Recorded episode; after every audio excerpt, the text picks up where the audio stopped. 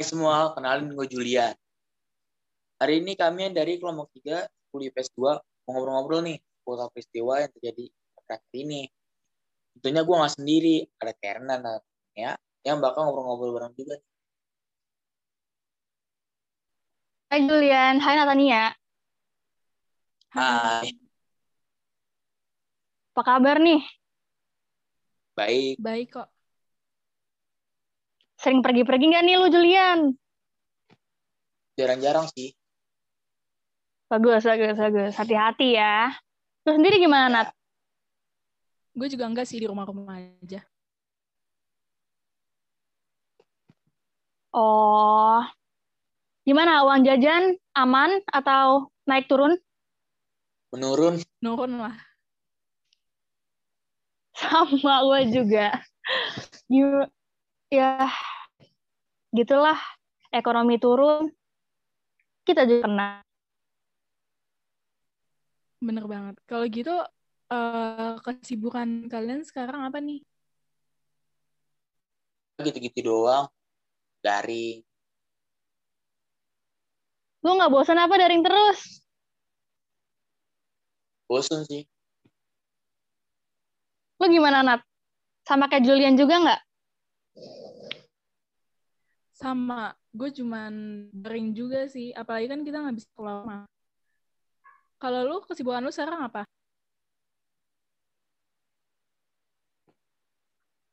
Gue akhir-akhir ini sibuk nyari photocard sih. Kalian tahu photocard gak? Tahu. Tahu. Iya, jadi akhir-akhir ini tuh gue lagi hobi ngumpulin photocard gitu. Di Shopee sama di Twitter tuh banyak banget yang jualin photocard. Bisa nawar juga. Lumayan lah buat gue. Kan lumayan tuh, 100 ribuan. Dibanding harus beli albumnya, 300-400 ribu. Gue harus pintar-pintar hemat nih. Oh gitu. Emang lu cara nawarnya gimana? Cara nawar versi gue sih, hmm, pertama kita harus sopan dan ramah ke penjualnya. Karena kalau ramah, pasti juga penjualnya ramah ke kita. Kedua, gue sama penjualnya tuh harga kesepakatan.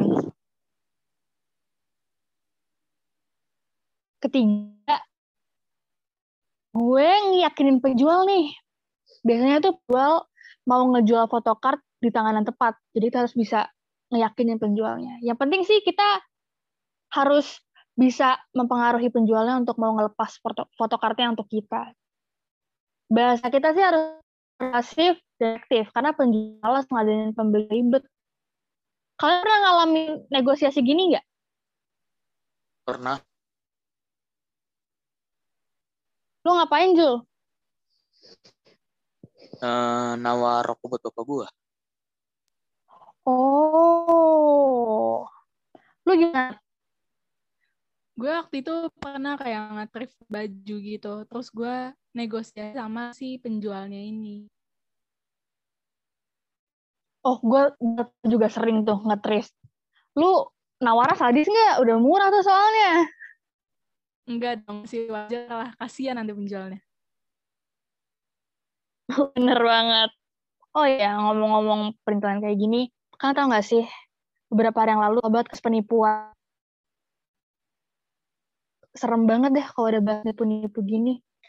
Gue jadi keinget deh kasus nipu-nipu di negara kita. Kasus korupsi bansos.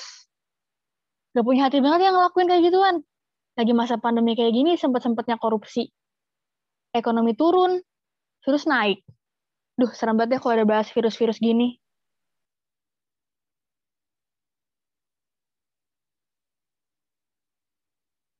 Ngomong-ngomong tentang dunia ekonomi yang sekarang di Indonesia, kalian tahu gak sih, gue ada virus yang lebih parah dari, dari virus corona yang menyebabkan krisis ekonomi? Apa tuh? Wabah virus saat itu adalah virus polio. Virus polio adalah penyakit menular yang disebabkan oleh poliovirus.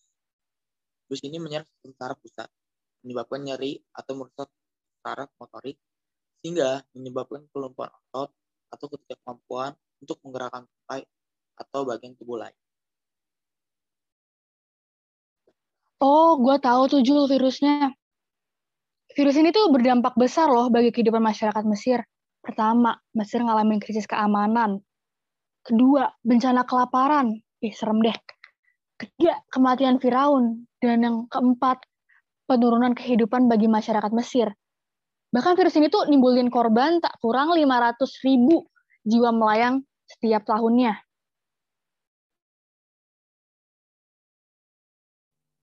Berarti hampir sama ya kayak virus corona. Oh iya, balik lagi nih ke foto karet tadi. Uh, gue jadi keinget deh materi komposisi fungsi di pelajaran matematika.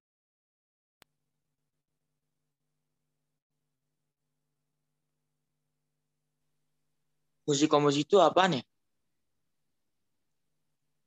Jadi, komposisi fungsi itu gabungan antara dua fungsi atau lebih dengan mensubstitusikan satu persamaan fungsi ke persamaan fungsi yang lain, lalu membentuk persamaan fungsi baru. Oh, gue tahu, gue tahu, gue tahu. Komposisi fungsi ini tuh dipakai juga tahu di kehidupan sehari-hari. Contohnya nih ya, dalam proses pembuatan album, album K-pop nih. Proses pembuatannya kan ada dua tahap kan. Pertama editorial, terus produksi. Pada tahap editor ini, foto-foto yang udah di ambil, diedit sama editor, dan disesuaikan dengan layout yang ada, sehingga menjadi file yang siap dicetak. Terus, file-file ini diolah pada tahap produksi untuk dicetak sesuai dengan versi masing-masing.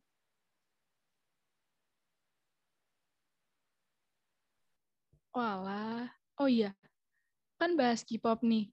Menurut kalian, K-pop itu termasuk tantangan nggak bagi kita sebagai generasi muda untuk mertahanin wawasan Nusantara kita?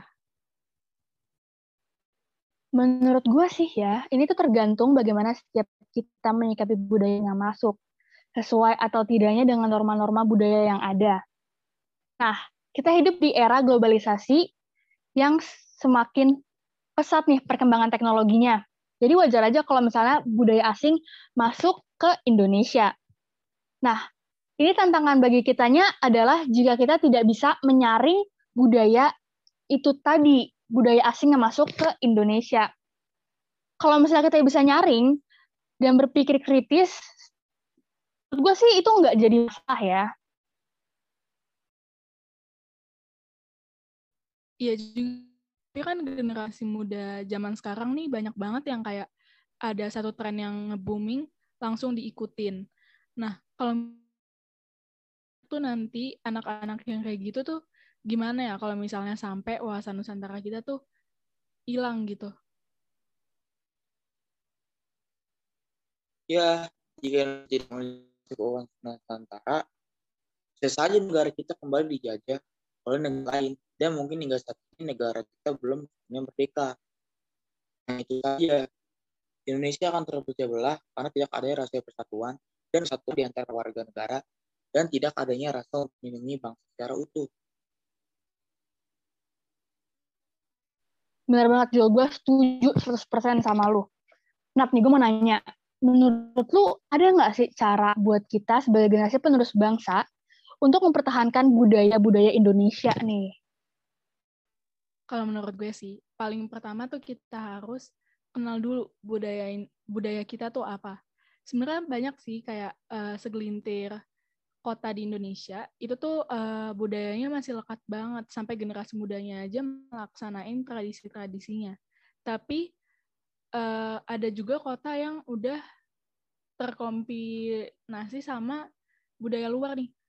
Contohnya aja Jakarta kan. Mereka tuh uh, sampai lupa budaya mereka sendiri itu apa. Nah, kalau misalnya nanti mereka udah ngenalin budaya mereka, mereka bisa ngembangin ke luar negeri, jangan cuma di Indonesia aja biar orang luar tuh juga tahu budaya Indonesia tuh apa dan mereka nggak asal ngecap budaya Indonesia tuh punya mereka. Contohnya aja Malaysia. Dulu mereka pernah ngecap kalau misalnya batik itu hasil dari nenek moyang mereka. Padahal itu milik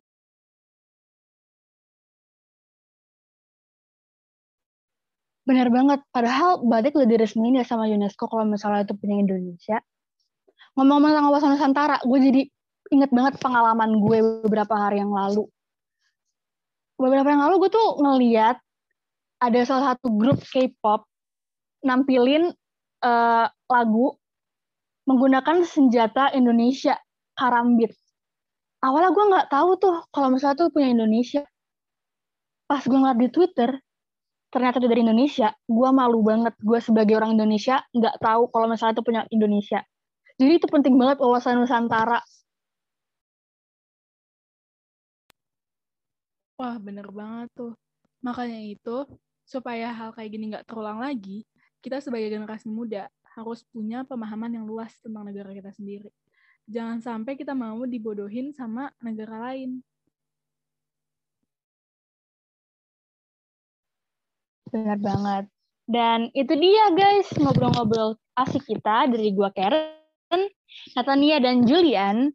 Thank you buat kalian yang udah mau nyempetin waktu untuk dengerin podcast kita. Jangan lupa buat kalian semua untuk jaga kesehatan dan tetap patuhi protokol kesehatan. Kami dari kelompok 3 pamit undur diri.